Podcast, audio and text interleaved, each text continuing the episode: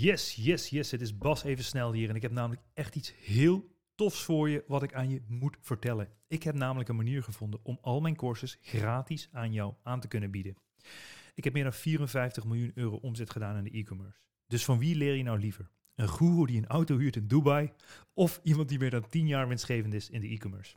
Als je liever niet van de guru leert en bewijs wilt zien van de 54 miljoen euro omzet, schrijf je dan gratis in voor al mijn trainingen op basdeeltuit.nl.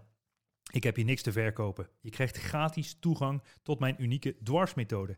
Al mijn e-commerce courses, gratis 1 op 1 coaching en een gratis ticket voor het e-commerce kickstart event waar ik jou alles van A tot Z ga uitleggen hoe jij een succesvolle e-commerce business kan gaan opzetten.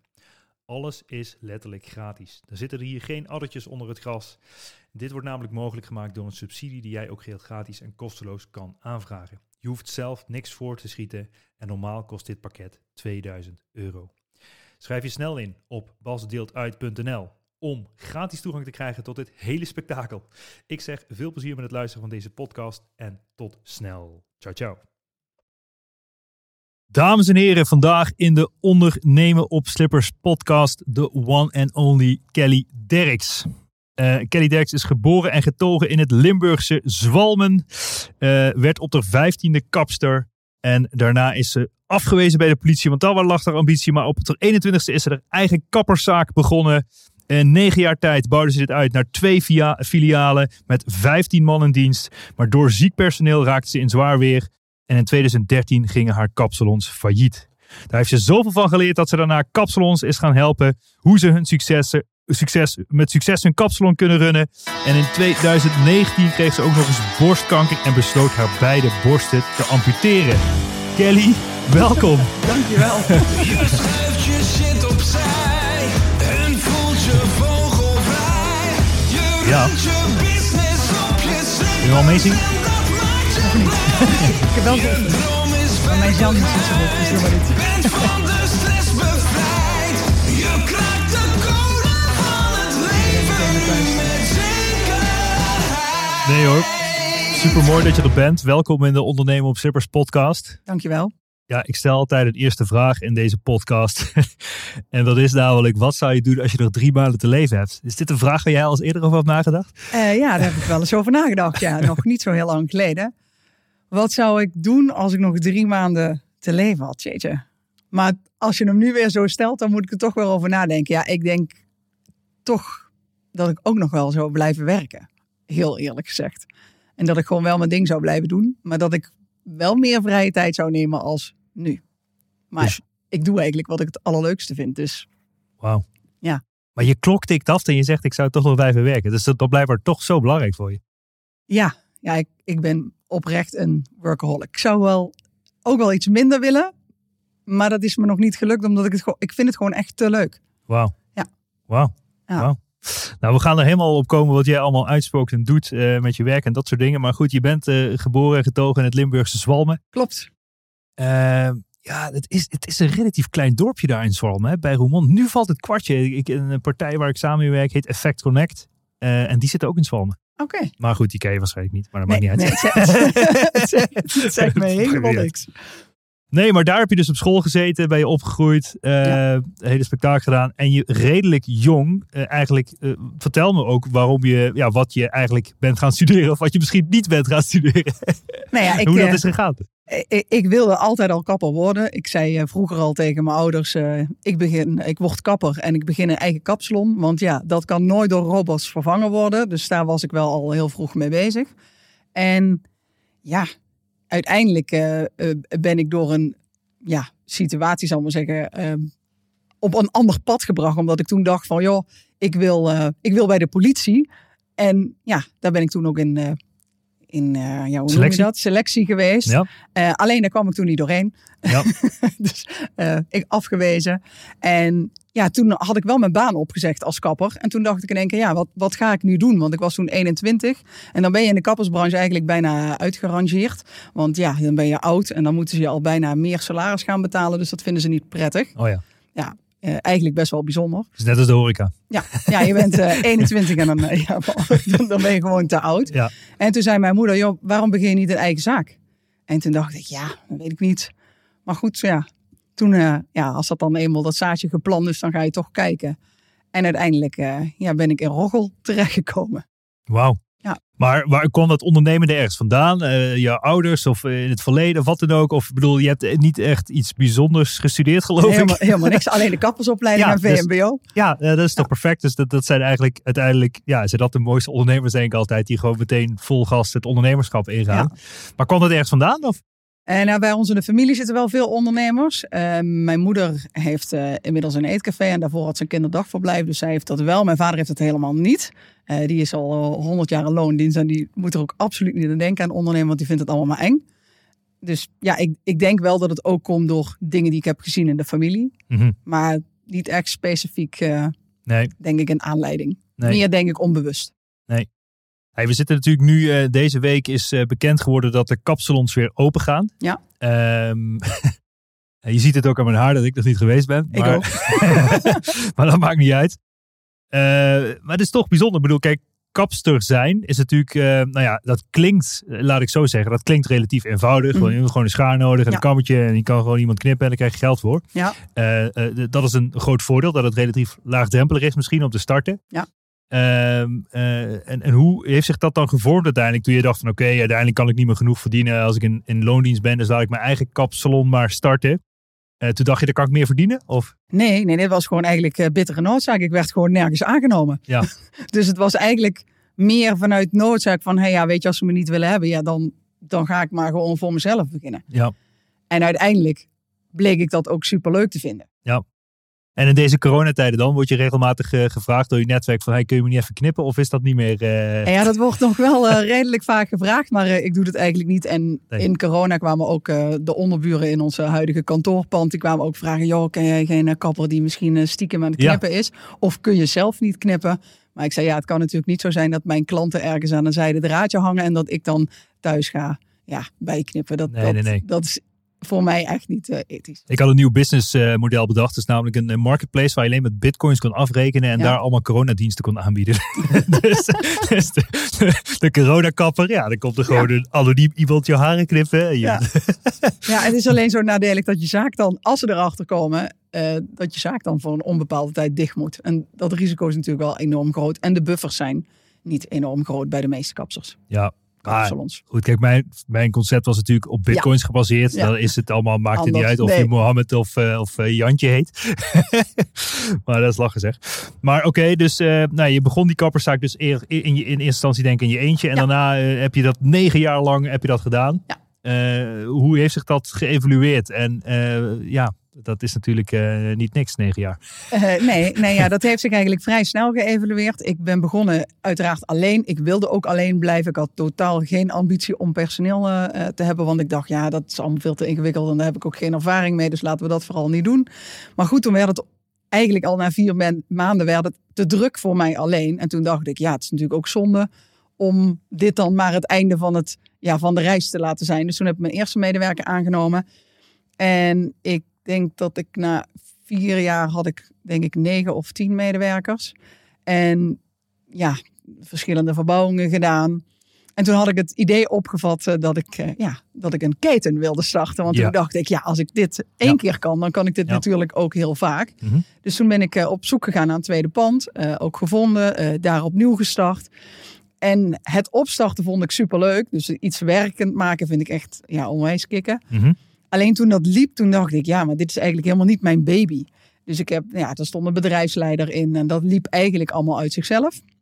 Dus ja, daar heb ik ja, relatief weinig aan gedaan. Ik ging daar één keer in de week naartoe om even te kijken of alles goed was. En eh, ja, dat was het. En twee jaar voordat ik eh, failliet ben gegaan, toen kwam het pand naast mijn eerste pand, dus mijn, ja, eigenlijk mijn babytje, eh, kwam vrij. En toen had ik een fotograaf in dienst. Of een meisje die als kapsel werkte, maar die wilde ook eh, eh, fotografie doen. Ik had een schoonheidsspecialiste in dienst, maar die kwam iedere keer terug, want die vond het bij ons veel leuker. En toen dacht ik, als ik dat pand nou daarnaast ook nog neem, dan breekt die muur eruit en dan ga ik een heel concept aanbieden. Dus dan kun je bij ons foto's laten maken, metamorfoses doen, nou de hele toestand. Mhm. Eh, maar ja, goed, wij zaten natuurlijk in Roggel. Ja, dat was misschien ook iets te enthousiast.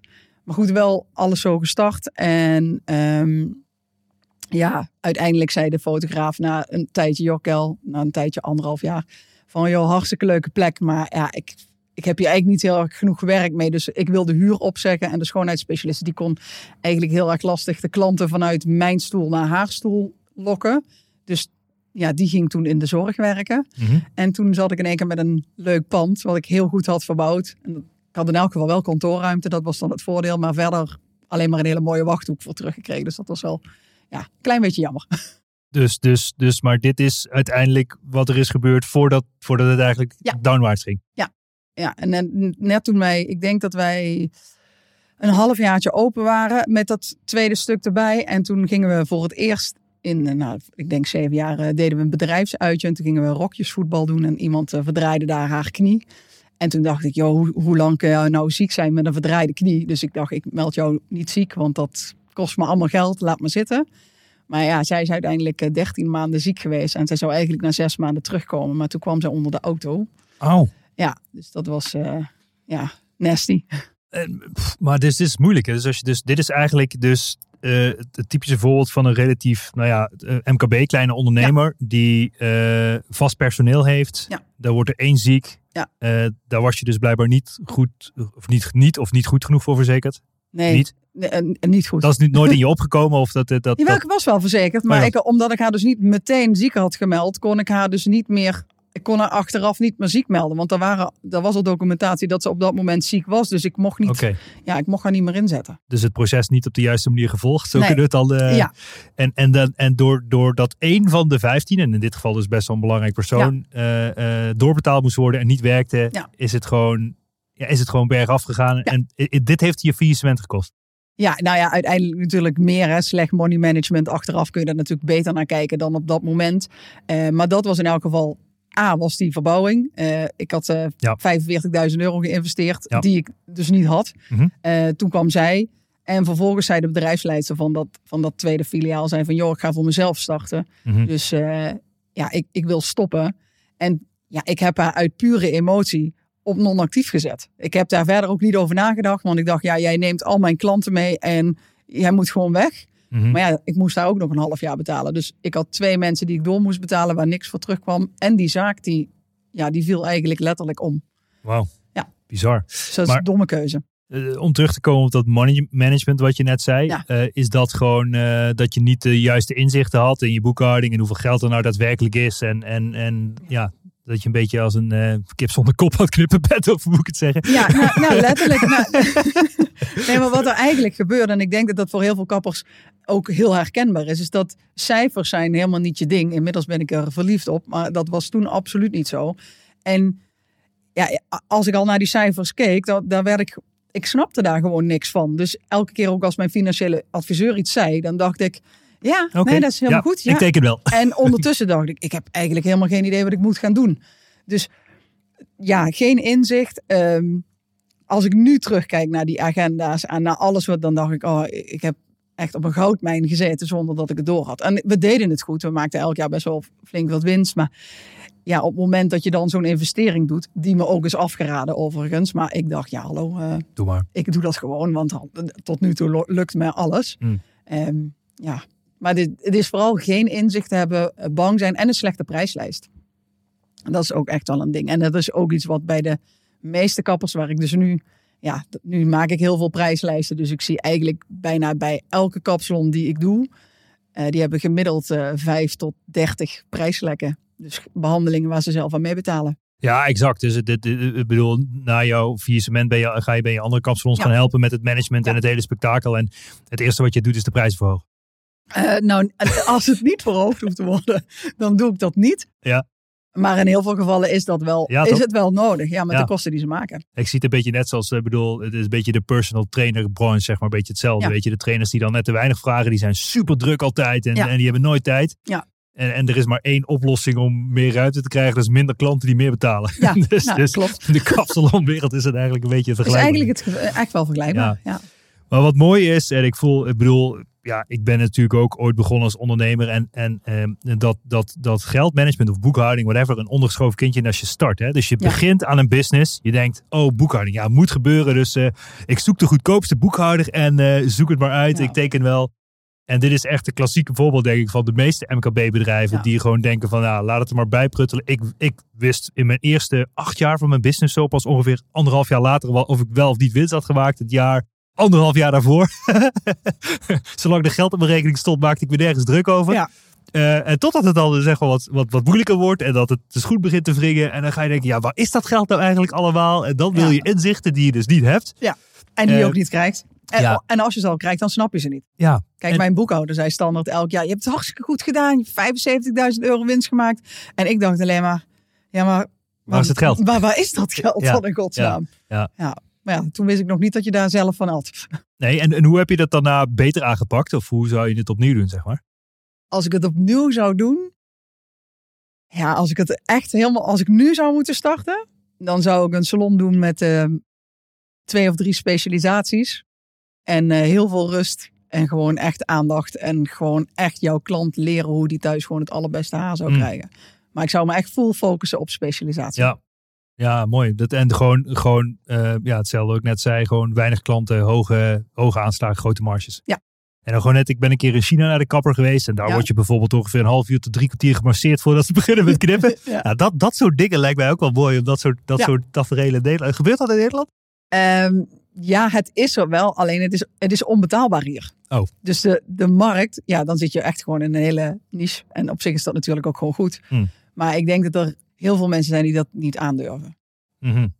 Ja, oké, maar als ik kan kiezen van, wil je haar knippen en even Ja. 20 minuten hoofdmassage? Ja, dat vind ik wel lekker. Ja, Dan, nou, dan kan ik en- tenminste en uitkijken naar de kapper in plaats Ja. dat ik denk, nou, ik word alleen geknipt en dan sta ik maar buiten. dan wordt er even afgeraffeld en dan ben ik weer weg. Nee, maar het is er wel. Ja, het is er wel. Ja. Hm. Hm. Mooi.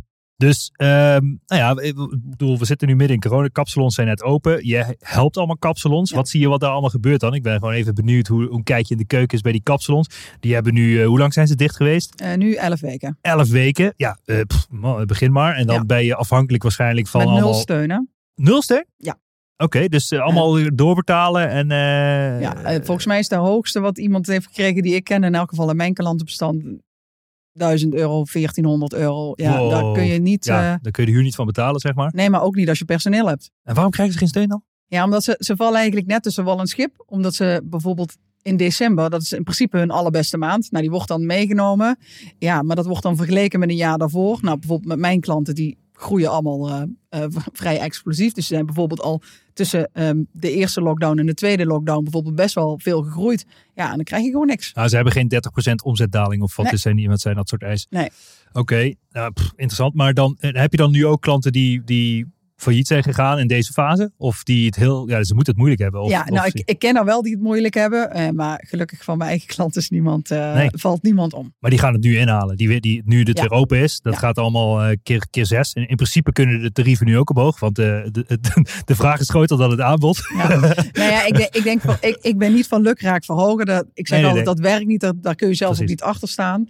Dat is iets wat ik vroeger ook merkte. Als ik die prijslijst omhoog moest doen, dan dacht ik altijd... Ja, hoe, hoe ga ik dit dan weer verkopen aan die klant? Want dat, ja, je bent zo emotioneel verbonden met die mensen... Hmm. dat je precies weet, ze zitten in de bijstand... of ze hebben net ruzie gehad, of maakt niet uit. Ja, ja, ja. Dus om dan te zeggen, joh, ik, ja, sorry, maar ik ben 5 euro duurder geworden... En ja, dat moet jij nu gaan betalen. Dat is lastig. Dus ik geloof niet in ja, random er iets opgooien. Ik ben echt wel van de kostprijs berekenen, winstmarge erop. En als die winstmarge niet meer klopt, dan mag je omhoog. Maar als die gewoon nog klopt, dan blijf je gewoon op hetzelfde. Want je kan niet elk jaar Hmm. ja, blijven Nee, nee, verhogen. nee, nee. Dat, dat werkt niet. Nou, toen ik dus tussen de eerste en de tweede lockdown op een terras ging zitten, kwam er eh 50 cent eh, op mijn bonnetje bij bij mijn koffie voor de coronamaatregelen fee. Want ze moesten de handjelletjes en Ja. weet ik het allemaal wat ze deden. Gebeurt dat ook in de kappersbranche? Stel dat je denkt van ja, eh, ik moet hier meer kosten maken omdat ik dat hele spektakel Ja. moet optuigen. Ja, je moet En wel echt meer kosten Moet ik maken. even een paar eurotjes extra op het bolletje zetten. Ja, nou, sommigen hebben inderdaad coronatoeslag gedaan. En bij de meeste heb ik ook gezegd, joh, ja, je kunt gewoon kiezen als je prijs goed is. Dan heb je dat in principe niet nodig, want dan is je winstmarge gewoon goed. Ehm, en als je dan al iets wil vragen, ja, ik ben meer van de vrijwillige bijdrage. Want ik weet Ja. zeker als ik jou Ja. gewoon heel vriendelijk vraag van, joh, weet je, ja, we hebben het best wel zwaar Hm. en we moeten best wel veel extra kosten maken. Zou je het oké vinden om een vrijwillige bijdrage aan ons te geven, ehm, zodat we in elk geval ja, samen deze periode doorkomen, dan verplicht je ook niet mensen die zelf ook in zwaar weer zitten, Ja. om bijvoorbeeld die 2 euro extra te betalen. Ja. Nee, dat is mooi dat je dat zegt. In, eh, in Amerika is het heel gebruikelijk als je een pintransactie doet, dat er gewoon op het apparaat zelf wordt gevraagd, wil je fooi geven? Ja. Hè? In Ja. Nederland is het gewoon piep en dan eh, dankjewel, Ja. loop je weer naar buiten. Ja. Maar dit zou echt perfect werken in die, in die kapsalons. Als je, dat mensen bewust nadenken van, oh ja, wacht even. eh. Ik kan hier gewoon een soort van, net zoals in de horeca, gewoon een fooi geven aan de kapsel die me net geknipt heeft. Ja, en dat is ook wel interessant, want soms zeggen mensen wel eens, joh, ik wil je voorgeven. Maar dan zegt die kapper, nee joh, dat hoeft niet. Ja, of het kan niet misschien, omdat Ja. ze denken de boekhouding, dan matcht het bolletje maar niet met het getal. Of eh, daar zijn ze niet gewend, of Ja. weet ik veel wat. eh. nou ja, dat kan, dat kan wel, maar, ja, dat- ja, ja, ja. Nou, bizar zeg. maar ze hebben het zwaar. Ja, hey, maar in, in 2019 is er ook wat gebeurd wat, wat, wat ja, ja, ik geen idee of het je leven echt goed heeft veranderd. Maar ja, kun je daar wat meer over vertellen? Eh, nou ja, ik, ik weet sinds eh, 2017 dat ik belast ben met de BRCA2-gen. Dus dat is een genmutatie waardoor je eh, al, ja, 85% kans hebt op borstkanker en 35% kans hebt op eierstokkanker. Ehm, nou ja, goed. eh, in eerste instantie dacht ik, oké, eh, ik ga ze preventief laten eh, amputeren. Maar toen kwam ik bij een dokter en die zei, ja, ik ga iets maken wat op borsten lijkt. Het wordt nooit mooi. En toen dacht ik, ja, dat is leuk. Doe jij maar even lekker andere mensen opereren, maar vooral niet mij. En nou ja, goed, toen dacht ik, ik ga het ook niet doen. Ik dacht, weet je, misschien word ik wel nooit ziek. Alleen in 2019 eh, ja, eh, werd er wel borstkanker bij me geconstateerd. Dus toen eh, heb ik alsnog besloten om ze inderdaad te laten amputeren. Ben ik daardoor anders naar het leven gaan kijken? Ja, ja en, en nee, eerlijk gezegd. Maar je praat hier zo luchtig over. Als we een paar stappen terug gaan, hoe ben je er überhaupt achter gekomen dat je die, die bepaalde genmutatie had? Of zo? Is het iets wat erfelijk was uit de familie? Of je, je moeder en, en je oma hebben hetzelfde gehad? Of hoe moet ik het zien? Nou, mijn, eh, eh, mijn tante en twee tantes van mij, die hebben, eentje heeft eierstokkanker gehad en de andere heeft twee keer borstkanker gehad. En bij mijn tante waar eierstokkanker eh, was geconstateerd, eh, daar hebben ze eigenlijk gezegd, omdat het vrij, ja, dat niet, niet super eh, veel voorkomend. Toen hebben ze haar gevraagd van, joh, wil je niet een, gen, eh, een gentest doen, zodat we weten of je misschien belast bent met die mutatie? Nou, zij heeft dat gedaan. En zij was dus belast met die mutaties. Nou, dan worden alle broers en zussen getest. En als zij dan weer belast zijn, dan kunnen de kinderen getest worden. Nou ja, mijn vader is dus belast met dat gen. En eerst had ik zoiets van, ja, ik- hoef die, ik hoef die stempel niet. Ik, eh, als het zo is, dan is dat zo. Eh, maar goed, de dokter heeft mij uiteindelijk overgehaald om toch die test te doen. Omdat ik ook 50% kans had ja, om het niet te hebben. En achteraf ben ik die dokter echt mega dankbaar. Hmm. Want anders had ik nooit zo snel ontdekt dat ik eh, borstkanker had. En dan was het waarschijnlijk heel anders afgelopen dan nu. Hmm. Ehm, mijn zusje heeft het niet, een van mijn zusjes. Ik heb en die heeft nog twee kinderen, dus ik ben onwijs dankbaar dat zij het in elk geval niet heeft. Mhm. Ehm, en mijn jongste zusje die is 25, eh, 23, sorry. En die, eh, nee 25, nee 23. Ik ben. Iets van één van de twee. Eén van de twee, 23, 23. En zij wil nog niet testen. Oh ja. Ehm, omdat ze zoiets heeft van ja, ik kan er nu toch nog niks mee. Maar goed, ja, zo ben ik er dus eigenlijk achter gekomen. En dan ga je elk jaar, eh, word je opgeroepen voor controle. En dan ga je naar MRI en krijg je mammografie. En in eerste instantie was namelijk, eh, eh, even denken, het was op dinsdag. En wij zouden op vrijdag trouwen. Voor de tweede keer. Wij zijn stiekem in Las Vegas getrouwd. Oh ja. En eh, onze familie reageerde daar eh, niet allemaal even positief op. Dus toen hadden we besloten dat we het nog een keer in Nederland over zouden doen. En op dinsdag moest ik die controle in. Maar ja, wij hadden echt zoiets van, ja, dat gaat helemaal goed komen. En dat, eh, dat gaan we gewoon goed doen. Dus ik, ik werd ook naar huis gestuurd met de boodschap. joh, het is allemaal goed tot volgend jaar. Totdat we in de Bijenkorf in Utrecht liepen. ehm, shoppen voor de kinderen. En toen belde het ziekenhuis. Joh, wil je terugkomen? We hebben iets gevonden. En ja, dan, dan staat je wereld wel even stil. Ja, toch? Ja, ja absoluut. Ja, wat, wat, wat, je, je, je kijkt me lachend aan nu je dit zegt. En, en dat kun je dan nu misschien zo doen, maar op dat moment denk je van holy shit, weet je. Ik bedoel, je weet dan misschien nog niet alles. Je denkt ook, is het misschien uitgezaaid, dadelijk is het te laat. Ja. Eh, dat, dat is toch iets wat door je hoofd flitst. Dat je denkt van ja, absoluut. ik ga dadelijk chemokuurtjes, eh mijn haren moeten eraf. En, eh, In principe denk je op zo'n moment, ik ga dood. Ja. Dat is, dat is de eerste gedachte. Wij keken elkaar aan en wij zeiden echt allebei, fuck, wij hebben elkaar net, wij kennen elkaar net. Ik heb net de liefde van mijn leven ontmoet en, nu, ga- nu ga ik dood. Wat Hmm. is dit? Ehm, maar goed, ik ben, ja, ik, ik ben gewoon heel praktisch ingesteld. Dus op het moment dat ik er niks aan kan doen, ja, dan ga ik er gewoon voor. En dan laat ik het ook, ja, dan laat ik het ook wel los. En het is niet dat ik er geen verdriet van heb gehad of wat dan ook. Maar ik ben niet, ik ben niet het type wat dan denkt, oh, nou ga ik in een hoekje zitten huilen. Eh, ja, we hebben gehuild. Eh, maar wij zijn ook, ik ben ook echt een enorme prater. Dus ik heb het Oh. ook gedeeld van je eh, afgepraat. op mijn socials. Ja. Knobbeltje op de weg. Oh ja. Ehm, En dan als grapje, zal ik maar zeggen, hobbeltje op de weg en dan de KNN ertussen. En ook gedeeld, want ik dacht, ja, ik ben net gestart met mijn nieuwe business. En ik dacht, ik wil niet dat mensen ja, in één keer gaan zeggen, oh, het zal wel niet goed met haar gaan, eh, want ze heeft al die trainingen gecanceld. Dus ik dacht, ja, ik gooi het ook maar gewoon oud in die open. En ik dacht, en dan weet iedereen het. Ja, daar, daar komt natuurlijk ook onwijs veel steun vandaan. Ja, dat, dat, dat hielp voor jou ook in het proces op dat moment? Ja, Ja, toch? ja voor mij is praten, denk ik, de allerbeste. Ik Ja. kan het iedereen aanraden. Nou, ik zeg heel vaak dat het, dat het zo zwaar onderschat wordt, zeg maar, wat het delen van je reis eigenlijk al niet alleen voor jezelf een therapie doet, maar ook voor de ander. Dus het gaat een beetje twee kanten uit. Ja. Je hoeft alleen maar te vertellen van wat, wat ben ik nou aan het doen, waar ben ik mee bezig, hoe gaat het met me, goed of slecht, weet je. Ja. Ik bedoel, ja, laten we eerlijk zijn, eh, social media staat voornamelijk met de, met de, met de bling bling stories eh, online, maar als er een keer wat slechts doorheen komt, dan krijgt dat vaak ook meer aandacht dan al het Ja. goede. Eh, dus dat vind ik heel knap van je, dat je dat, dat, je dat lef hebt gehad om dat gewoon eh, de lucht in te gooien. Om, om daar waarschijnlijk ook andere mensen weer in hun kracht te laten staan en erkenning op te zoeken op, op dat gebied. Ja, ik vind, het gewoon, ik vind het gewoon heel erg belangrijk dat je ook leert om A te delen, maar ja, ook daar ook ja, transparant in te zijn. Je hoeft niet.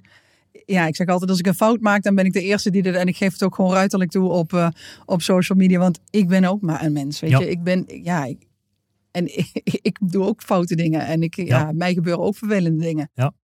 En hoe ging dat proces in zijn werk? Dus je zou dan, ben je uiteindelijk dan wel of niet getrouwd daarna toen je die dinsdag, toen je dat te horen kreeg? Ik ben zeker getrouwd. Ja, maar dat, met dat in je achterhoofd is. Ja, ja, dat, ja, ja, ja. Dacht van als ik dan het loodje leg, dan ben ik in ieder geval getrouwd. Nou nee, mijn- ja, wij waren al getrouwd. Dus maar mijn Oh. moeder die vroeg inderdaad van... joh, oh, ga je dan nog... Ja. Wat doe je met vrijdag? Ik zeg, luister, ik zeg, wij gaan vrijdag gewoon een, knal, knalfeest geven. Ja. Ik zeg, want heel simpel, als dit het, als dit het einde is... Oh ja. dan heb ik in elk geval Oh ja. iets heel moois met jullie. Nog, we waren maar met 25 mensen. Mooi. Ik zeg, dus dan hebben we iets heel moois met elkaar. Ik zeg, en dat, dat kunnen ze dan niet meer afnemen. Kijk, mijn stiefmoeder is gestorven, ook aan borstkanker. Ehm, dus ik heb dat hele traject al een keer van heel dichtbij gezien. En ik ben wel zo, ja, je, je moet er wel alles uithalen wat erin zit. Ja. Dus je hebt een paar shotjes extra genomen op eh, de bruiloft. Ja, dat weet ik eigenlijk helemaal niet. we, we hadden geen feest. Nee, ik was volgens mij om vier uur middags helemaal dood. Want Oh, ja, je gaat, ja, ja. je gaat Ja. in zo'n malle molen. En ik was al achteraf, kan je heel goed zien van, oh, ja, waar, ja, ik was al een hele tijd echt heel moe. Hmm. Alleen ik dacht steeds, ja, dat komt omdat ik druk ben, omdat ik in de nieuwe business zit. En Hmm. ja, dan, dan wijd je dat eigenlijk daaraan. Terwijl, ja, als je dan die diagnose krijgt, dan vallen de kwartjes wel. En dan denk je, oh ja, shit, je lichaam is gewoon eigenlijk gewoon heel erg hard aan het vechten. ja. Alleen het lukt niet. Wauw. Wauw. Bijzonder. Ja. Maar en, en hoe gaat het proces dan daarna, zeg maar? Want dan eh, kom je in de molen bij het ziekenhuis en Ja. eh, weet ik het allemaal. Hoe, hoe snel gaat zoiets? Dat gaat supersnel. Ja? Op dinsdag krijg je dan eh, in eerste instantie de eerste diagnose. Dan Krijg je het slecht nieuwsgesprek Ja. op dinsdag? En Ja, dan- nou dat, dat, ja. Maar alles gaat ook zo snel. Ze doen een punctie. vervolgens, ja, je wordt eigenlijk ook maar weer zomaar weer naar huis gestuurd. En dan wordt er gezegd, ja, donderdag moet je terugkomen. Ehm, ja, donderdag ga je dan eigenlijk een beetje soort van, ja, hoe, hoe erg is het? Hoe, ja, ben ik inderdaad aan doden opgeschreven of eh, ben ik nog te redden? Nou ja, goed, dan krijg je eigenlijk, op, wij kregen op dat moment echt een heel waardeloos gesprek. eh, waar gewoon niet de juiste informatie eh, in zat. En dat was voor mij ook de beslissing om naar een ander ziekenhuis te gaan. Mhm. En ja, dan is het gewoon op donderdag de definitieve uitslag. Hoe erg is het? Op maandag zat ik in een ander ziekenhuis. En dan ben je eigenlijk ja, in, in binnen vijf weken lig je op de operatietafel. Want Hmm. ze moeten binnen vijf weken opereren. Nou, ik wou net zeggen, want het liefst wil je, als je dan de keuze helemaal hebt gemaakt, wil je ook gewoon eh, zo snel mogelijk, lijkt mij. En Want elke dag dat het er zit, kan het groter worden, of hoe moet ik het zien? Ja, ja, dat is ook zo. Ja. Ja. dus ik ben toen ook heel rigoureus gestopt. Eh, ik zei, oké, geen suiker meer, geen alcohol, Oh ja. niks. Want ik dacht, ik ga dat ding absoluut niet voeden. Ehm, maar is dat wat ze zeggen ook? Eh, stop met al die dingen om, de, Ja. om het niet te voeden? Ja. En dit, dus dit is, en, en nu je daarop terugkijkt, en ik, ik, ik zeg er ook al vaak, ik bedoel, uiteindelijk is dit hoe we het zorgsysteem eh, kunnen, of eh, hoe noem je dat? Het soort van kunnen oplossen dat er minder Ja. mensen in het ziekenhuis komen door die dingen die je net noemt gewoon niet we te moeten eten. gewoon anders gaan leven. Gewoon geen zout, suiker, eh, Ja. of, of wat, wat, wat nog meer? Wat noemde je net? Alcohol. Alcohol.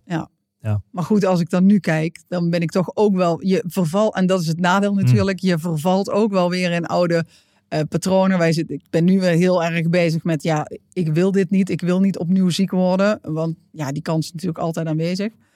Dus ik, ik ben er nu alweer heel erg mee bezig. Maar ik heb juist na die periode ben ik eigenlijk soort van even losgeslagen. Toen dacht ik, ja, eh, stik er maar in, ik leef nog. Ja. Dus het is, het is eigenlijk ook heel gek hoe dat werkt. Oh, bizar. Bizar. Dus, dus nu, maar nu is het dat je er dus half rekening mee houdt. Kan ik het zo zeggen? Een beetje eetvertroon. Ja, nee, ik hou er nu wel weer goed rekening mee. Ja. En ik wil ook gewoon, ik wil dat ook gewoon. Ik wil Ja. niet meer, geen rotzooi in mijn lijf stoppen. Want waarom, waarom, waarom doen we dat? Ja.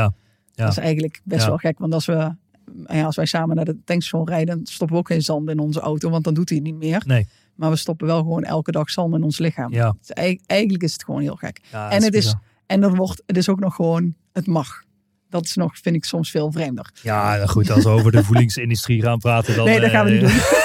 maar dit is wel echt, het is wel wat je zegt. Nee, Ja. maar Om terug te komen, jou wordt aangeraden van ja, eet dit niet, want dan voed je eigenlijk je Ja. kankergezwel en dan Ja. wordt die groter. Ja. Het, is gewoon de, het is gewoon de zuurstof van de kanker eigenlijk. Ja, suiker is Eh, vooral ja. echt een... Het is gewoon stop, stop met suiker. Ja. Eigenlijk.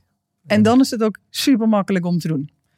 En dan, ja. Ja, als het om leven en dood gaat, dan ga je er in één keer over nadenken. Maar in die hele fase daarvoor dacht je er misschien helemaal niet over na of minder. Eh, nou, ik, ik eet wel altijd al heel goed. Mhm. Ehm, omdat ik, ik kan gewoon tegen heel veel dingen niet tegen. Dus ik kan niet tegen gluten, ik kan Mhm. niet tegen lactose. Dus ja, dat maakt het soms al wat makkelijker. En als ik dat dan een keertje doe, dan word ik daar ook gruwelijk voor gestraft. Mhm. Eh, ik ben eh, toen ik mijn huidige man net kende, ben ik eh flauw gevallen op de toilet. En dat heeft me drie voortanden gekost. Oh. Eh, en dat was ook na een avondje pizza en een latte macchiato. Dus ja, ik, eh, is niet zo heel handig. Ja, jeetje. Oké, dus dan vijf weken lang eh, geen suiker, geen Nee. dingen. En dan, en dan dus op de operatietafel. Ja. En Ja, dan- ik was vooral heel bang voor het resultaat. Ja, dat, dat, kan ik me voorstellen, ja. Ah, Want, want het, het is toch iets heel vrouwelijks, toch? Borsten, zou je zeggen. Eh, en, ja. en, en dan denk je, oh, die worden me nu ontnomen. En dan, en dan ja, hoe werkt het dan? Kun je dan iets nieuws uitkiezen? ja, ja, letterlijk, letterlijk. Zo- Of is een hele wand met, eh, ja, voel eens, wat vind je hiervan? Nee, ze hebben wel een, eh, een, een prothese om te voelen. Maar de, ja, de arts vroeg ook aan mij, ja, wat wil je? Wat wil je? In principe halen ze het eerst weg. Die wond is zo groot. Dat, ja, niet letterlijk de uitwond, maar zal maar zeggen, het gebied van hier tot hier Ja. wordt eh, helemaal eigenlijk eh, ja, leeggeschraapt. Mhm. En zij zei ook van, als je dadelijk ja, klaar bent, wat, hoe wil je dan dat het eruit ziet? Ik zeg, joh, ja, wat kan? Weet je, ik, ik heb geen idee. Ja. En toen zei zij eigenlijk, maar joh, als ik naar jouw postuur kijk, dan zou ik ietsje groter nemen. Ik zeg, nou, dat heb ik altijd al gewild. Ja. Ik zeg, dus doe maar. Dus wij zijn er ook wel echt wel met heel veel humor ingegaan. En we hadden ook samen zoiets van, nou ja, weet je, ehm, als we nog een chemotraject in moeten, dan is dat zo. Eh, en daar dealen we dan ook wel mee. Tuurlijk was het, ik heb dat gelukkig niet gehad. Eh, dus dat is absoluut mijn voordeel geweest.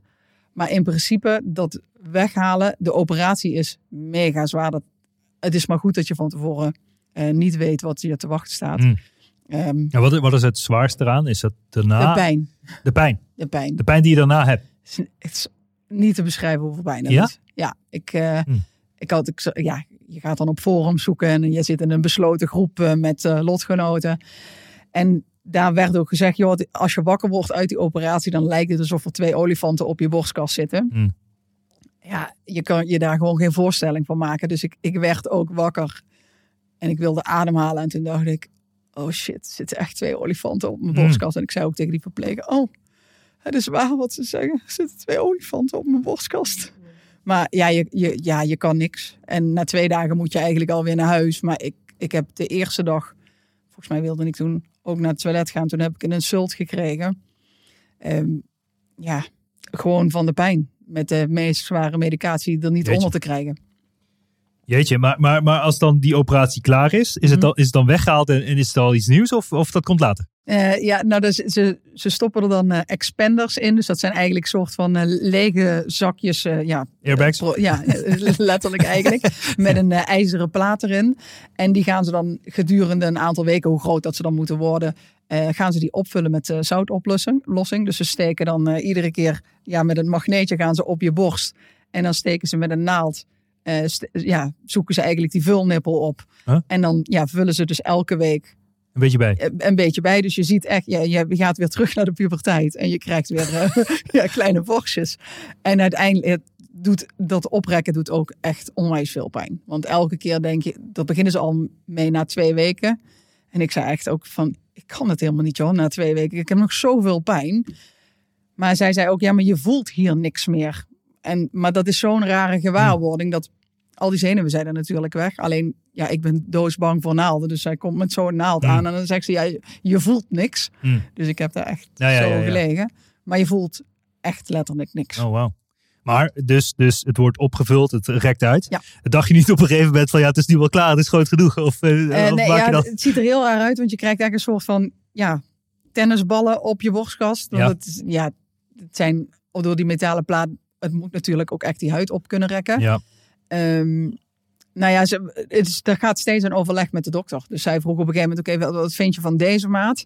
En toen zei ik, nou ja, ik vind het eigenlijk wel goed. Mhm. Toen zei ze, nou dan maak ik ze nog één slagje groter, want de-. Nee, ja, de definitieve prothese, omdat die dus eh, veel zachter is. ja. En die zich veel meer vormt naar de borst. En zit het gewoon heel anders. Mhm. Ja. Bijzonder. Ja. Bijzonder proces in ieder geval. En eh, nou, er is, eh, dus heel lang geleden is er ook allemaal het nieuws geweest over wat er allemaal, eh, die borstvergroting Ja. en zo, dat er allemaal rare onzin in zit en Ja. dat soort dingen. Hoe- Is dat een bepaald onderzoek wat je hebt gedaan of is het opgevuld met iets anders wat minder schadelijk is of hoe Nee. moet ik het zien? Nee, ik heb gewoon een eh siliconen prothese erin. En ja, ik heb er wel naar gekeken. Maar toen dacht ik, ja, wat is dan het alternatief? Je zou ook met je eigen vet eh, Hmm. eh, kunnen doen. Maar ja, dat zei zij ook. Nou, dan wordt het een klein AA'tje. Ik zeg, nou, dat lijkt me niet. En je krijgt dan echt een enorm litteken van eh, links naar rechts over je buik. Vond ik ook niet per se goed. En ja, ik dacht, joh, het zal allemaal wel loslopen. Hmm. Ja, als er... Het is heel simpel, er is niet heel veel andere keuze. Nee. Dus misschien als je nog vijf opties had, dan is het misschien anders. Maar die, die, ja, die zijn er gewoon letterlijk niet. Ja. ja. En hoe merkte je hoe je omgeving al reageerde op dit hele spektakel wat er gaande was, zeg maar? Gewoon familie, vrienden, eh, man, vrouw, kinderen, eh, moeder, vader, wha- whatever. Ja, ik denk voor mijn vader is het denk ik wel heel confronterend geweest. Want die is natuurlijk zijn vrouw eh, verloren ook aan borstkanker. Dus ik denk dat mijn vader, alhoewel dat hij het niet heeft gezegd. Maar ik kan me voorstellen dat het voor hem wel echt een herhaling was van, ja, van zijn eigen verhaal. Ehm, mijn, ja, mijn moeder heeft er wel heel openlijk over gesproken. En ja, doordat je zelf ook gewoon er heel open in staat. Maar je merkt wel dat de omgeving heeft het er moeilijker mee dan jezelf. Want zelf zit je erin. En ja, voor mij was er gewoon maar één oplossing. Ik wil hier gewoon goed uitkomen. Mhm. En wat ik daarvoor moet doen, dat doe ik.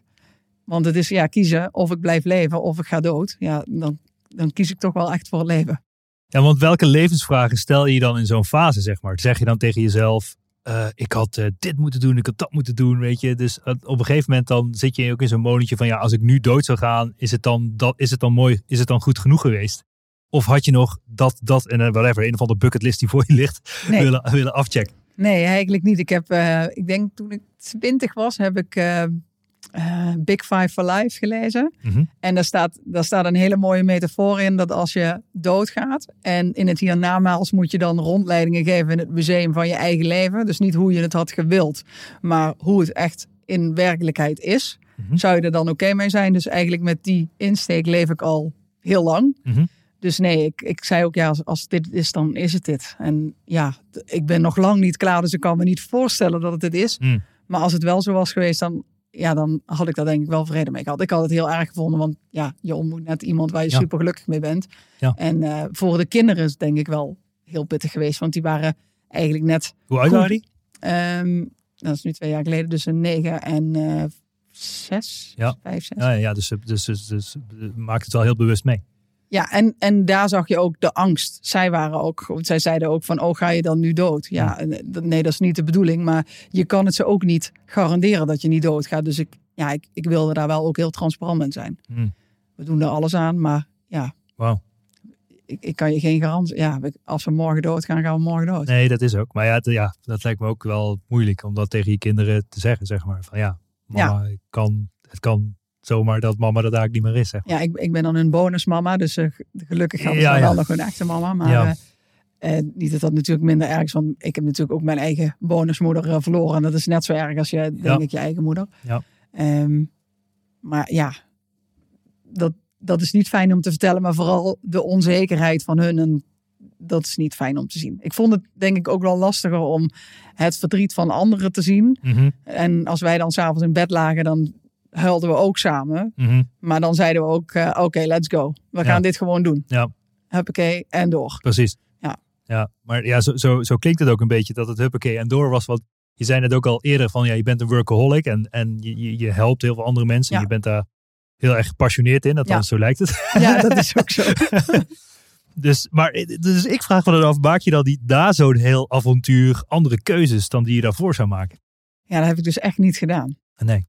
En ja, aan de ene kant zou ik het wel iets rustiger aan willen doen. En daar ben ik ook wel richting naartoe aan het werken. Mhm. Alleen, ik, ben- ik ben er gewoon echt niet goed in. Ik, ik, moet echt, ik, ja, ik moet echt leren om dat het oké is om minder hard te werken. Want ik kan dat dus wel aan mijn klant leren. Mhm. De reacties die ik altijd terugkrijg. Oh, ik heb zoveel meer vrijheid. Ik heb zoveel meer rust. Ik kan, ja, ik kan gewoon vrij zijn zonder dat ik me zorgen maak. Mhm. Ja, ik ben gewoon altijd aan het werk. En komt die drive, of, of weet je, als ik je dan een, een, een, een waarom-vraag zou stellen, zeg maar, komt dat dan ergens vandaan? En als je, als je jezelf zes keer achter elkaar de waarom-vraag stelt, waar kom je dan uiteindelijk op uit? Is het dan dat je een bepaalde bewijsdrang hebt, of dat je denkt van, ik moet dit van mezelf, of ik, ik moet het voor een ander, of voor je ouders, of wie, whatever wat? Er is vroeger altijd tegen mij gezegd, dat kan je niet. Ja, Ehm, dat is, eh, en nu ben je het laten zien dat je het wel kan. nou ik weet dat ik het kan. Alleen het stemmetje zit er nog altijd. Ik ben Mhm. niet goed genoeg. Mhm. Ja, Maar daar, daar zit die drive, toch? Dat die- is de reden ja. dat je altijd doorgaat Ja. en nooit stopt. En het Ja. is eigenlijk, wat welk niveau ik sta, het is nooit, eigenlijk nooit goed genoeg. Nee. Want er is altijd een niveau hoger. Ja. En maar is het, vind je dat, is, hoe moet ik het zeggen? Dat is ook, je weet misschien van jezelf dat het ook een valkuil is. Dat dit, dat dit, het, dat dit het plateau is. En ga je dan niet, zou je dan niet moeten onderzoeken, zeg maar, hoe je tegen jezelf kan zeggen, eh, ik ben goed genoeg en ik doe het rustiger aan en dat is ook oké. Ja, daar ben ik heel hard mee bezig. Ik ben in 2011 ben ik gestart, zal ik zeggen, met, met persoonlijke ontwikkeling. Ja. En daar, ik, ik ga nu ook weer een. eh, nou, wij zijn bij elkaar ontmoet Ja. natuurlijk eh, toen ik in een training zat. Ja. En ik ga dus nu ook samen met Arjan, dan mijn man, nog een coachingstraject in. En ik, ik heb eigenlijk ook altijd wel een, een, een mentor of een coach naast me staan. Omdat ik dat gewoon ook zelf veel fijn vind, omdat er iemand anders met me meekijkt. Maar het is gewoon, ik moet gewoon oude patronen afleren. Maar ik ga dus nu met, eh, met Cesar, die dus ook die training daar gaf. ehm, ga ik dus opnieuw weer kijken, oké, hoe kan ik nou nog meer bij mezelf blijven en mijn grens beter bewaken. Maar ik zal je een mooi voorbeeld geven. Vorige week kregen we natuurlijk horen dat de kappers open gaan. Ja. En dan bedenkt iedereen zich denken, oh shit, mijn prijslijst. Ik heb Kel dat tien keer horen roepen. Misschien moet ik daar nog iets mee doen. En dan krijg ik op dinsdag om vier uur nog de vraag, hey, ja, kan ik dan voor morgen nog een nieuwe prijslijst hebben? Ja, en ik doe dat dan Mhm. omdat ik dan ook weet, op het moment dat jij een goede prijslijst hebt, dan wordt je leven gewoon fijner. Mhm. En, dat, en daar zit dus voor mij nog het, het stukje leren. Op dat moment wordt mijn leven dus even niet fijner, want ik schiet in de stress en ik denk, oh shit, ik moet dit nu gaan doen. Mhm. Ehm, maar goed, eh, work in progress. Mm. Ja, dus eigenlijk breng je toch een soort van offer naar een ander toe. En dat je die andere heel erg graag wil helpen. Ja. Eh, en, maar daar vergeet je jezelf soms bij. ja, ja, ik, ik, Letterlijk. zei het, ja, ik zei het ook maandag. Ik, ik ga dan elke maandag live op Instagram. En ik moest daar ook huilen. En ik zei ook niet, niet dat ik, ik huil niet omdat ik er zelf doorheen zit. Maar ik huil voor jullie. Want ik weet hoe het is om op de rand van de afgrond te Mm. staan. Ik weet, ik heb zes jaar lang echt geen geld gehad. En niet om zielig te doen, helemaal niet. Maar ik, ik weet hoe het is. En ik weet Mm. ook, ik ben heel sterk. En Mm. ja, ik, ik tackle dat. Ja. Maar ik weet ook dat er heel veel mensen dat niet zijn. Ja. Dus voor mij is die drive om die ander dat vooral niet te laten ervaren is enorm. Wauw. Ja. Maar dit is ook, dit, dit, jij kan alleen deze mensen zo goed helpen. Omdat je zelf, wat je net zegt, je bent zelf failliet gaan met je kapsalons. Je hebt zes jaar lang bijna geen geld gehad. Dat Ja. is de reden waarom jij met je creativiteit en weet hoe je het wel moet doen. Ja. Om uiteindelijk die ondernemer niet die afgrond in te Ja. laten storten, zeg maar. Want het is, laten we eerlijk zijn, het is gewoon, wat dat betreft, is het hard werken en weinig verdienen. Toch? Eh, eh, net zoals horeca en een kapsalon is misschien een beetje vergelijkbaar. Nee, je kan er echt wel serieus echt heel mooi geld mee verdienen. Mits dat je dus de juiste keuzes maakt. En, en doordat die kapper en ik dus zelf ook. Ik ben begonnen vanuit passie. Ik wilde gewoon mooi haar maken. Hmm. Ik wilde gewoon, ja, geen gezeik van een baas. Hmm. En meer vrijheid. Ja, ja, ja. Ehm, maar dat is niet altijd zo. Nee, eh, dat is, de, dat, dat is de grap, zeg maar. Dus meest veel mensen zeggen, laat ik ondernemer worden, krijg ik meer vrijheid. Maar dit is bij, in dit geval is het misschien al een beetje omgedraaid. Want je bent 24-7 met je zaak bezig. Ja. Maar je hebt helemaal niet meer vrijheid. Nee. En dat is toch wat je in de praktijk eh, veel te vaak ziet gebeuren, zeg maar. Ja. En, en, en je, ja, je bedoel, je kan van tevoren verschillende businessmodellen bestuderen van wat is nou het beste businessmodel om wel vrijheid te krijgen. Maar het Eh, voelt wel als. Ik, ik vind absoluut niet dat ik, geen, dat ik dat niet heb. Ja, dat je eigen baas bent bedoel je. Dat je gewoon meer, Ja. Ik vind het gewoon super fijn, weet je. Ja. Ik vind het ook niet erg. eh, en, en ik probeer wel steeds beter, zal ik maar zeggen, mijn tijd te blokken. En ook gewoon als de kinderen er zijn, Hmm. dan, dan zeg ik ook, oké, ik sta iets eerder op. Mhm. En ik werk totdat zij uit bed komen of totdat Ja. zij twee uurtjes op de iPad zitten. En dan stop ik met werken. Dus die Ja. keuzes kan ik wel steeds beter maken. Ja, ja, ja. Maar wat een mooi verhaal is inderdaad, hoe we elkaar hebben leren kennen. Want Ja. ik was met een ander groepje in het eh, Blooming Hotel. In, wel, hoe heet die, die plaats? Ik weet. Bergen. Bergen, Bergen aan Zee. Nu weet ik het weer. En eh, daar was ik jullie tegengekomen. En, en, en superleuk, we raakten een beetje aan de praten. Toen zaten jullie in die training. Eh, eh, maar dat is dus een van de trainingen waardoor je denkt van oké, eh, je moet meer aan je mindset gaan werken. En gewoon van binnen sterker zijn of Ik zo. moet Van- gewoon nee zeggen. dat is Ja. mijn grootste struikel. ja, exact. Dus dat is Ja. dat. En dat is dus een beetje het pad wat je nu aan het bewandelen bent. Ja. Dat je aan het kijken bent van hoe kan ik nou beter mijn eigen keuzes maken. Ja, beter mijn eigen keuze maken. En hoe kan ik nou mijn bedrijf nog verder zo laten werken dat ik inderdaad ook niet meer altijd een tijd nodig ben. Exact. Want daar, daar zit natuurlijk ook een heel stuk. Ik, Ja. ik wil niet alleen maar eerst ja, was ik meer in dienst van de klant. En nu heb ik dit jaar al hele bewuste keuzes gemaakt. Ik doe alleen op maandag en dinsdag doe ik nog consultancy. Mhm. En de andere dagen ben ik aan het ontwikkelen. En ik heb dan nog samen met mijn man een skincare brand Ja. eh, naar Nederland gehaald. En dat willen we eigenlijk helemaal online eh, eh, doen. Alleen ja, doordat het nu heel druk was door die lockdown, is, ja, staat dat nu even op een laag pitje. Maar dat is absoluut iets waar ik ook gewoon nog een ja, tweede inkomsten ja, stroom erbij wil. Ja. Naast mijn, eh, ik, ik heb ook een appartement, dus dat is super fijn. Ja, mooi. Ja. Ja. dat was ook, is mijn definitie van succes. Je bent pas succesvol als je zelf niet meer nodig bent in je eigen business. Dat is ook waar jij een beetje naartoe probeert te werken. Ja. ja. Ja. En dat is dus het systeem creëren wat uiteindelijk het geld verdient. En dat is dus met name wat je net zei, bijvoorbeeld zo'n skincare brand die je online kan verkopen. Waardoor je gewoon in de e-commerce eigenlijk gewoon kan blijven verkopen door alleen maar gewoon in bulk voorraad ergens neer te leggen. Ja. En dan wil je ook gaan verkopen op eh, Bol en Amazon en al die andere marketplaces. Hoe, hoe ja, ik, gaat het? eh, ik heb dus laatst ook jouw webinar eh, gevolgd. En Ja. dan inderdaad verkopen Ja. op Amazon. Ja, dat weet ik nog niet helemaal precies. Want dat zou ik dan ook wel moeten overleggen met degene die, waar het dan Oh, ook ja. daadwerkelijk Dat is van is. Of dat oké is. Ja. Eh, maar we, ja, we zijn daar wel naar aan het kijken van. Maar goed, dat, ik heb geen idee of dat, ja. of dat een optie zou zijn. Ja. De beste optie is eigenlijk als je je eigen merk maakt, white Ja. labeled en dan over de hele wereld kan Ja. verkopen. Dat zou wat mij betreft de beste optie zijn. Ja, dus dat moet ik dan aan hem vertellen. Maar ja, dan heb ik er niks, dan heb ik er niks meer aan. Nee, nee, precies. Ja, of je moet het gewoon zelf gaan produceren, vervaardigen, whatever. Ja, ja, dat zou ook nog een optie zijn. Maar dat, dat parkeren we dan even. Nee, oké, maar ehm, eh, dus, dus is het, het- ik, ik probeer nog even na te denken over waarom je altijd steeds maar doorgaat, zeg maar. Is dat ook, het, heeft dat ook iets met het ego te maken of zo? Dat je alleen maar door wilt en dat je dan, ja, ik, ik vraag me af of je daar een vinger op kan leggen voor jezelf. Ja, dat weet ik niet. Ik denk niet zozeer dat het het, het ego is. Ik denk, ja, ik denk dat het een combinatie is. Zal maar zeggen dat Mm. het en heel leuk is. Mm. Dat je ook, zal maar zeggen, ja, redden is misschien het verkeerde woord. Maar dat je in elk geval iets wil voorkomen waar je zelf heel veel pijn van hebt gehad. Mm. Ehm, ja, en kijk, ik, ik weet, als ik gewoon naar de feiten kijk, het, dat zeg ik namelijk ook altijd tegen mijn klanten. Mhm. Als zij bijvoorbeeld zeggen, ja, vorige week zei iemand tegen mij, ja, Kel, mijn hele droom is kapot. Ik zeg, ja, maar check nou eens de feiten. Is Ja. dat zo? Ja. En als ik naar de feiten kijk, ik heb Mhm. vroeger bijvoorbeeld zei ik, ik ben slecht met geld. Ja, als ik in zes jaar tijd 112.000 euro kan aflossen in loondienst, dan ben je niet slecht met geld. Ehm, dus als ik de feiten check, weet ik dat het niet hoeft. Dus daar zit, ja, Ja. ik denk dat het meer ook is. Ik, ik vind het, ik word echt, echt blij ook Ja. als ik die ander blij kan maken. Ja, ja, ik snap het.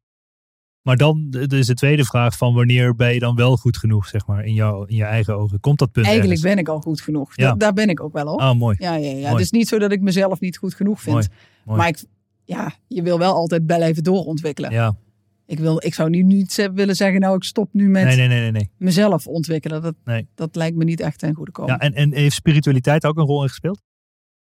Eh, ja, ik ben daar wel mee bezig, maar het is altijd een beetje op de achtergrond. Ja, eh, vertel. eh, ik ben benieuwd. Nou, ik, ik, ik geloof er altijd heilig in dat dingen zo zijn zoals het, het komt zoals het komt. Ja. Weet je, en de dingen gebeuren ook met een reden. En je krijgt zoveel als je ja, aan kan. Krijg wat je verdient. Eh, ja, bijvoorbeeld. ik zeg altijd, ik denk dat ik in mijn vorige leven echt heel slecht heb gedaan, overigens. Ehm, nee, maar ja het, ja, het is er. En ik, ik vertrouw gewoon op wat er komt. Ja. Dat is het denk ik meer. Maar eh, het is niet per se met eh, boeken lezen, eh, stenen, meditaties, ja, stenen ligt het hele huis mee paddo's, vol. eh, weet ik veel wat allemaal voor rare dingen. Ja, ja, ik heb inderdaad wel ayahuasca gedaan. Ja. Oh ja. Doe je even tussendoor zo. ja, dat, ja, dat heb ik in, ook in 2018. Ja, in 2018 heb ik dat gedaan. Toen zat ik, toen dacht ik, volgens mij zit ik weer op een randje van een burn-out. En ik wilde nog wel dingetjes oplossen waar ik van dacht van, hé, daar moet ik iets mee, maar daar kom ik nu niet. Mhm. Dus toen heb ik inderdaad een ayahuasca-sessie gedaan. En daar heb ik wel echt onwijs veel inzichten van gekregen. Mm. Oh, gewoon, het is zo bizar. Mm. Want het lijkt gewoon als... Normaal is je onderbewuste natuurlijk niet bewust. Maar Mm. dan is je onderbewuste soort van de hele tijd in your face. En ja, de, de eerste dag was eigenlijk alleen maar dat stemmetje. Mhm. Wat dus de hele tijd zei, oh, dat is ook niet... eh, ah." dat stemmetje vond overal iets van. En op een gegeven moment dacht ik, jeetje Kel, je bent echt helemaal geen leuk mens. Mm. Niet voor jezelf, maar ook niet voor een ander. Ehm, en de tweede dag kwam vooral het verdriet en wat ik met me meeneem. Ik, had, ik heb altijd gedacht dat, dat sommige dingen weg moeten gaan. En daar heb ik eigenlijk heel erg mogen ervaren dat het dat gaat niet weg. Dat is gewoon een onderdeel van je. En dat is oké. Dus ja, Wauw, dus je hebt veel verwerkt in die, eh, in die ayahuasca. Ja. Zeg maar. Ik heb wel vaker eh, truffelceremonies gedaan, of vaker eh, twee keer. ja heb ik Eh, nog nooit gedaan. Nee, nou ja, ik, ik, kan een keertje meegaan. een goede vriend van mij die doet dat. Ja, Ehm, maar ik ben gewoon meer benieuwd naar het proces van die ayahuasca, zeg maar. Hoe dat in zijn werk gaat. En, Mhm. en wat je precies doet en ervaart. En dat is net wat je zegt, dat je onderbewustzijn, dat je je stemmetjes leert observeren. En Ja. dan uiteindelijk daar een plek aan leert geven, denk ik. Ja. Eh, ja omdat het zo helder wordt. Je, Ja. het, het komt echt letterlijk voor je gezicht. En het gaat ook niet weg totdat je het accepteert. Mhm. Dus dat is, het blijft komen. En dit is een soort van film die zich non-stop ja, terug afspeelt. En op een gegeven moment denk je, oké, schijnbaar moet ik hier iets mee. Mhm. En dan valt het kwartje of zo. Wauw. Maar je hoeft niet zoveel te doen. Je ligt gewoon onder een lakentje en that's it. Ja, je, ja, je zit En je spuugt je helemaal leeg. een paar uurtjes eh, kotsen en je huilen en, eh, en weer opstaan en Ja. je bent het mannetje. Ja, nou ja, je, je merkt wel de dagen daarna ben je... Ik vond het, bijvoorbeeld, ik ging daarna meteen naar de winkel. Want ik, ja, ik moest boodschappen doen. Is ook weer zoiets stoms, dat denk ik daar niet van tevoren over na. Maar dat was echt heel heftig. Want je staat zo open, dat echt alles kwam volle bak binnen. Hmm. Wauw. Dus dat... eh, En, maar- en, en zou, ga je, wil je dit vaker doen? ik denk dat ik het ooit nog wel doe, maar het is zo vies. Ja, precies. Je wil is- misschien een beetje een light versie. eh, wil je, Het eh, is... eh, nou, ontdekken. ik, nou ik, ik, ja, als het kan. Nou, het drankje zelf is gewoon heel smerig. Ja. Dus ik, ik heb bij de, de eerste dag doe je dan twee keer. En de tweede dag ging ik dan nog een keer. En de eerste keer ging dan nog. En de tweede keer moest ik dat weer drinken. Ja, ik, ik, het is drie keer in twee dagen. eh, vier keer. Vier keer. Ja. Wow. Ja. Dus, maar dat, het is niet te doen. Mhm.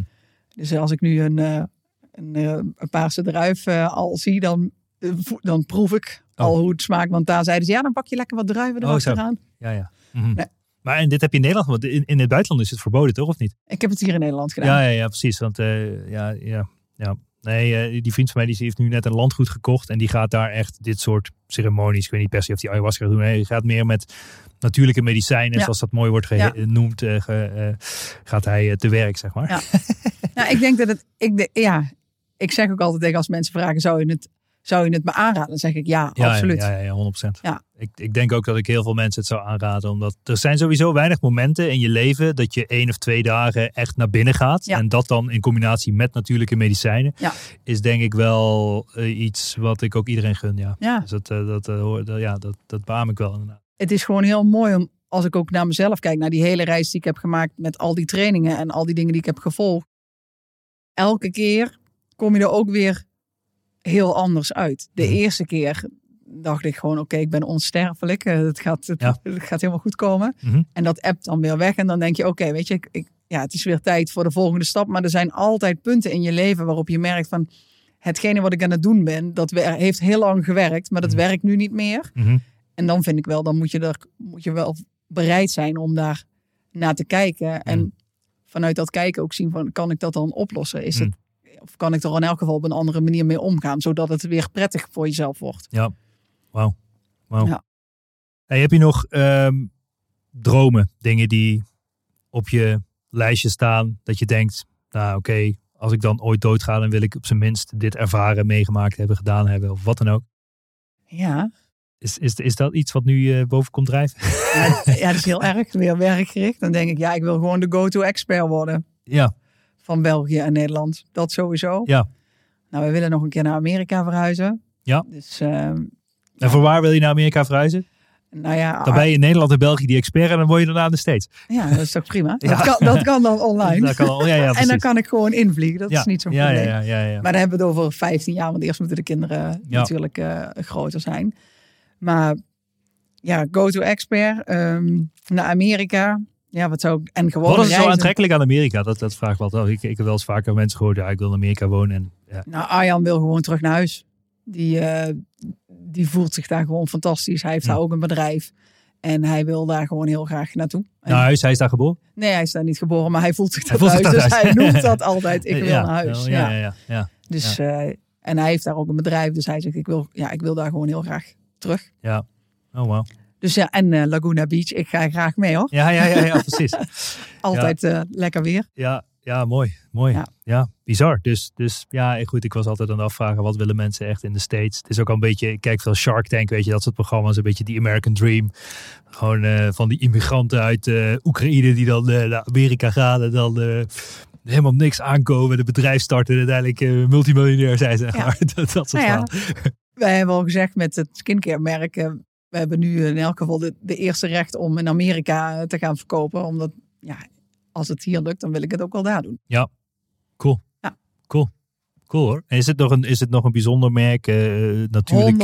100% eh, natuurlijk precies. op basis van essentiële olie. Er zit echt niks in. Oh ja. Ehm, ja, het is gewoon puur natuur. Als ik alleen al zie wat het op mijn littekens heeft gedaan, Oh wow. dan uh, Maar is het iets wat je dagelijks op je gezicht moet Ja, smeren? Of, het is eh, gewoon oh, eh, één eh, flesje en Ja. dat doe je als dag en als nachtcreme. Ja. En omdat het je huidbarrière functie eigenlijk niet verstoort, ja, knapt je huid er gewoon echt onwijs van op. Je krijgt eh, ja, minder lijntjes, de poriën worden minder eh, groot. Dus, Oké. ja. En het is gewoon puur natuur. Ik vind het vooral echt heel belangrijk om geen rommel om Ja. me Nee, nee. zelf te Interessant. smeren. En het Ja. is voor mannen en voor vrouwen? Of? Ja, het is voor mannen en voor vrouwen. En waar kunnen we dit kopen? Of, eh? Nou, online hè. Oké. Mooi zeg. Ja, leuk. En, eh, gaaf, eh, gaaf verhaal. En, en nu is het, ga, gaan jullie wel eens op vakantie? Ja, normaal gaan we zo een beetje zes keer per jaar op vakantie. Dus ik heb dit jaar ook tien, voor het eerst in mijn leven tien weken vakantie weggeboekt. Wauw. En dat had ik dus vorige week ook bij in dat gesprek met Cesar. Die zei, Kelly, je moet het zo zien. Je doet 42 weken aan topsport. En die andere 10 weken heb je nodig om die topsport te kunnen bedrijven. Dus Ja. in die training Ja, ja, ja. heb ik s'avonds 10 weken vakantie weggepland. Super. En eh, ja, dat wordt wel ook absoluut de goal. Ik, Ja. Uiteindelijk wil ik natuurlijk niet eh 24-7 altijd werken. Nee, nee, nee. Nou ja, goed. Het, het, het ondernemers eigen is. Als je dan eh, op vakantie bent, dan zit je nogal half eh, in je hoofd een beetje creatieve dingen te bedenken. Ja. wat er allemaal... eh, Dat is altijd het nadeel. Als we Moeilijk, een, een dagje naar de sauna gaan, dan halverwege die dag, dan word ik een popcornmachine. ja, Dan denk ik, oh, plop idee. Oh, plop nog een idee. ja, Ja, ja, ja, ja, ja. Maar goed, dat hoort er ook een beetje bij, toch? Ik denk dat dat het allerleukste is. Ja, ik ken, eh, ik ken iemand, Taco Oosterkamp, die doet dat een beetje extreem. Die doet 26 weken. Dus die doet de helft van het jaar doet hij werk en de andere helft doet Ja. hij eh, letterlijk niks. Dus dan eh, laat, zaten we in een meeting en dan zegt hij om vijf uur, ja, nu is mijn vakantie begonnen, dus ik stop ermee. en, dan, en dan doet hij gewoon, ja, doet hij weer een paar weken niks en dan, en dan, en dan start hij weer op. Maar ja, op zich is er natuurlijk wel Ja, best wat van te zeggen. Vooral in, in deze wereld wat ik zie, zeg maar, is het, het, het disconnected zijn. Dat is heel raar. Dat vinden mensen heel raar, want je moet maar altijd bereikbaar zijn. En mensen moeten je altijd kunnen bellen en pingen en appen Ja. en, en, en Clubhouse en Instagram en weet ik veel wat er allemaal. eh, Ja. En dat maakt je zo onrustig in je hoofd. Dus eh, ik weet zeker dat iedereen die een, een paar weken lang, zeg maar, zonder technologie om zich heen leeft in de Ja. natuur of wat dan ook. Ja, die is dus gewoon instant een rustiger, relaxer, meer gecentreerd persoon dan, dan met die technologie. We worden echt een beetje overgenomen door die technologie, vraag. Absoluut. En wij hebben tegenwoordig op eh, zondag eh, niet lezen, geen muziek, geen tv en geen telefoon. Niks. Oh, wauw. En ik moet echt zeggen, ik kan het echt iedereen aanraden. want mooi. het werkt Ja. eh, fantastisch goed. Maar je voelt dus inderdaad ook... De, de- nou, de eerste keer dat wij dat deden, toen zei ik, oh, ik zei, oh, dan ga ik lekker bakken. En toen dacht ik, oh, Even recept zoeken. een recept. Oh shit, dat zit in mijn telefoon. Oké, nou, nou, we gaan naar de winkel. Boodschappenlijstje staat op de telefoon. Ja. Oké, dat werkt dus ook niet. Toen zei ik, oh shit, staat er eigenlijk geld op de rekening. ja, ja. Dus nou, allemaal Ja. van dat soort Ja. hele stomme dingen. We, Ja. zijn, we zijn echt zwaar verslaafd. Maar de kinderen zijn verplicht om met ons mee te doen. En die zijn natuurlijk nog veel erger verslaafd. Mm. En gisteren zei de jongste, die zei... eh, Oh, het is weer bijna zondag. Ik verheug me erop, want dan hebben we altijd geen schermen. En dan gaan we alleen maar spelletjes doen. Oh, wauw. Dus dan denk ik... Want ik zei ook tegen Arjan, ik zeg... Joh, wat, wat zeggen onze kinderen later? Ja, vroeger zaten wij met papa en Kelly altijd op de bank... naar de, tele- naar de telefoon te staren. en toen dacht ik, dat Mm. gaat helemaal nergens over. Want Nee. uiteindelijk creëren we ook dat zij minder sociaal zijn. Ja. En ik denk dat we daar ook gewoon een enorme verantwoordelijkheid in hebben. Van, Ja. joh, die, ja, zij, je merkt dat ook. Zij zitten gewoon in dat scherm Ja. opgesloten. Ja, ja, ja. En als je ze ervan afhaalt, dan zijn ze in eerste instantie boos. Maar Ja. na twee uur, dan zijn ze super blij. Je merkt ook Ja. gewoon dat zij ook, zij hebben ook meer energie. Wauw. Ja. Nou, je hebt me geïnspireerd. Ik, eh, ik ga het meteen eh, in de groep gooien. Ja, Kijken wie er begint te stijgen. ja, ja ik, ik, heb, ik, ik werd werd weer geïnspireerd door Tibor. Dus, eh, ja. maar ik, ja, bij ons was het ook. Arjan zei, ja, ook geen muziek. Ik vind muziek heel fijn. waarom moet dat ook? Ik zeg, joh, we doen gewoon alles. Mhm. Ik zeg, want dat zijn ook prikkels. Ja, ja. Dus, Dan begint het met muziek en dan komt het boek erbij. En, dan eh, dan sluit alles je- verder in. en uiteindelijk ben je nog steeds eigenlijk je gedachten of ja, je hoofd eigenlijk de hele dag alleen maar aan het vullen. Terwijl Ja. juist het leegmaken is Ja. zo belangrijk. Ja, het is een mooi oplaadmoment. Ja. Mooi hoor. Zo Dus, ik, dus ik kijk nu al uit naar zondag. Maar goed, het is dus dit, ik ben er altijd weer van next level. Dus dan denk ik van het begint met één dag, dan twee, dan drie, dan vier. Totdat je dan nog maar één dag in de week eigenlijk eh, met technologie bent. De rest van de week niet. Hoe, hoe zou dat zijn? Ik denk dat dat super chill toch zou fantastisch? Ja. Mij, mij lijkt het echt heel tof. Ja, dat is toch echt fantastisch. Ja. Of dat je alleen maar één uur per dag doet of zo. Of weet ik veel wat. Het, het zou... Ik heb mijn e-mail en mijn eh, WhatsApp is al helemaal zo ingesteld dat er staat. Van, ik, van woensdag tot vrijdag ben ik bereikbaar en ga ik dus ook reageren. En ik kijk alleen op dat tijdstip en op dat tijdstip. Hmm. Als je mij nodig hebt omdat het tijdgevoelig is, Oh ja. moet je mij bellen. en- ja, ja, ja, ja, ja. En anders dan, eh, ja, dan, ik kijk daardoor ook echt veel Ja. minder. Ja, je moet echt, eh, je moet veel meer filters voor de buitenwereld instellen Ja. voordat ze bij jou uitkomen. Ja. Ik heb dat ook. Mijn e-mail is standaard autoresponder. Eh ik lees mijn mail maar één keer per week. Als je me nodig hebt, bel of sms Ja. dit nummer. En dan bel je mij en dan neem ik niet op. Dan ga je door naar een belservice. Die nemen dan op. Die zeggen, hey, ja, heb je Bas nodig? Ja, oké, kan ik een notitie achterlaten? Ja. Dan krijg ik weer een notitie. En dan be- beslis ik zelf of het belangrijk is of niet. Ja, ja maar uiteindelijk, anders word je, word je gewoon echt heel ja, erg er wordt geleefd. geleefd, ja. Ja, ja, ja.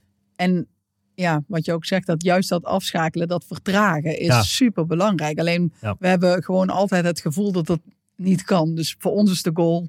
Zondag was het, het startpunt. En eigenlijk wil ik gewoon elke avond om zes uur dat ding gewoon uitzetten. We Ja. hebben wel een thuistelefoon voor, de, ja, voor de familie Ja, ja. als er Ja, ja. iets is. Ik wil Precies. niet onbereikbaar Nee, zijn. nee, nee, nee. Dat is de noodtelefoon.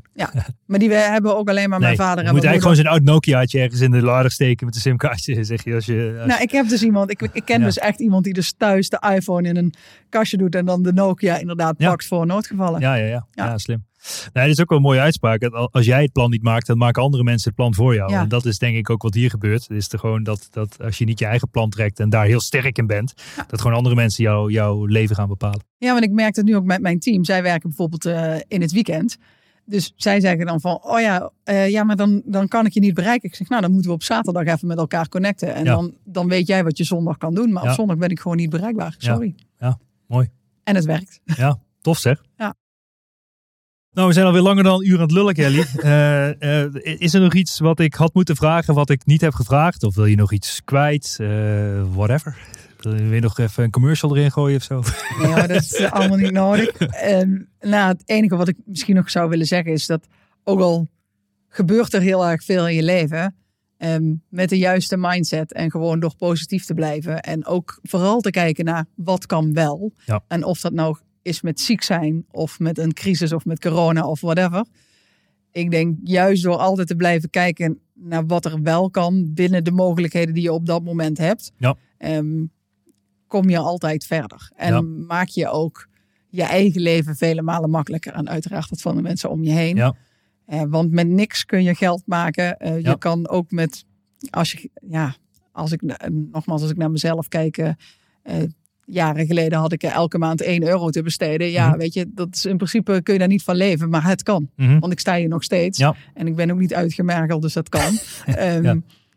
ja. dus dat, je kan altijd iets. Mooi. Ja. Mooi, mooi gezegd, mooie afsluiting. Ik denk ook dat, ja, dat mensen hier gewoon kracht uit moeten halen. In welke situatie je ook zit, weet Ja. je. Er is altijd een lichtpuntje aan de horizon, hoe je het ook kon noemen. Je, het Ja. is, oh ja, er is altijd een way en het begint tussen de oren. En dat is eigenlijk een beetje de boodschap. Ja, en voor- vooral dat, ja. Ja, En Mooi. als je het echt niet ziet zitten, zet dan je favoriete muziekje op. Ja. Dan ga je keihard dansen. Want zou Ja. gereinigd zijn en dansen, Ja. dan moet je eens proberen. Dat lukt je niet. dat lukt net niet. Nee, dat is gewoon niet te doen. Nee, nee. Ja. Mooi zeg, mooie afsluiter. Dankjewel. Dankjewel dat je hier was. Ik vond het echt een super inspirerend verhaal. En eh, ja, tot snel. Ja, dankjewel. Bedankt voor het luisteren naar de Ondernemen op Slippers podcast. Check voor meer informatie ondernemenopslippers.nl. Tot de volgende keer. Yes, wauw. Nou, dat was eh, Kelly Derks. Wat een verhaal zeg. Eh, opgroeien in Limburg, tot failliet gaan, tot andere mensen helpen, tot het amputeren van de borst. Ik vond het mega inspirerend. Eh, dank voor het luisteren weer. En ik zeg tot de volgende keer maar weer. Dit was toch een onwijs gave episode. Laten we eerlijk zijn. Ik vind het onwijs tof. Mocht je nou waarde vinden in deze episodes, check dan ook eventjes mijn LinkedIn, Bas Eurlings. En geef mij gewoon even een persoonlijk berichtje wat je van deze podcast vindt. Nogmaals, ik kan alles gratis aan jou geven. Wil je leren in de e-commerce? Gratis in op één coaching. Gratis e-commerce kickstart event. Ga naar basdeeltuit.nl hoe jij subsidie kan aanvragen door gratis, om gratis toegang te krijgen tot alles wat ik gemaakt heb. Check it out en tot snel. Ciao, ciao.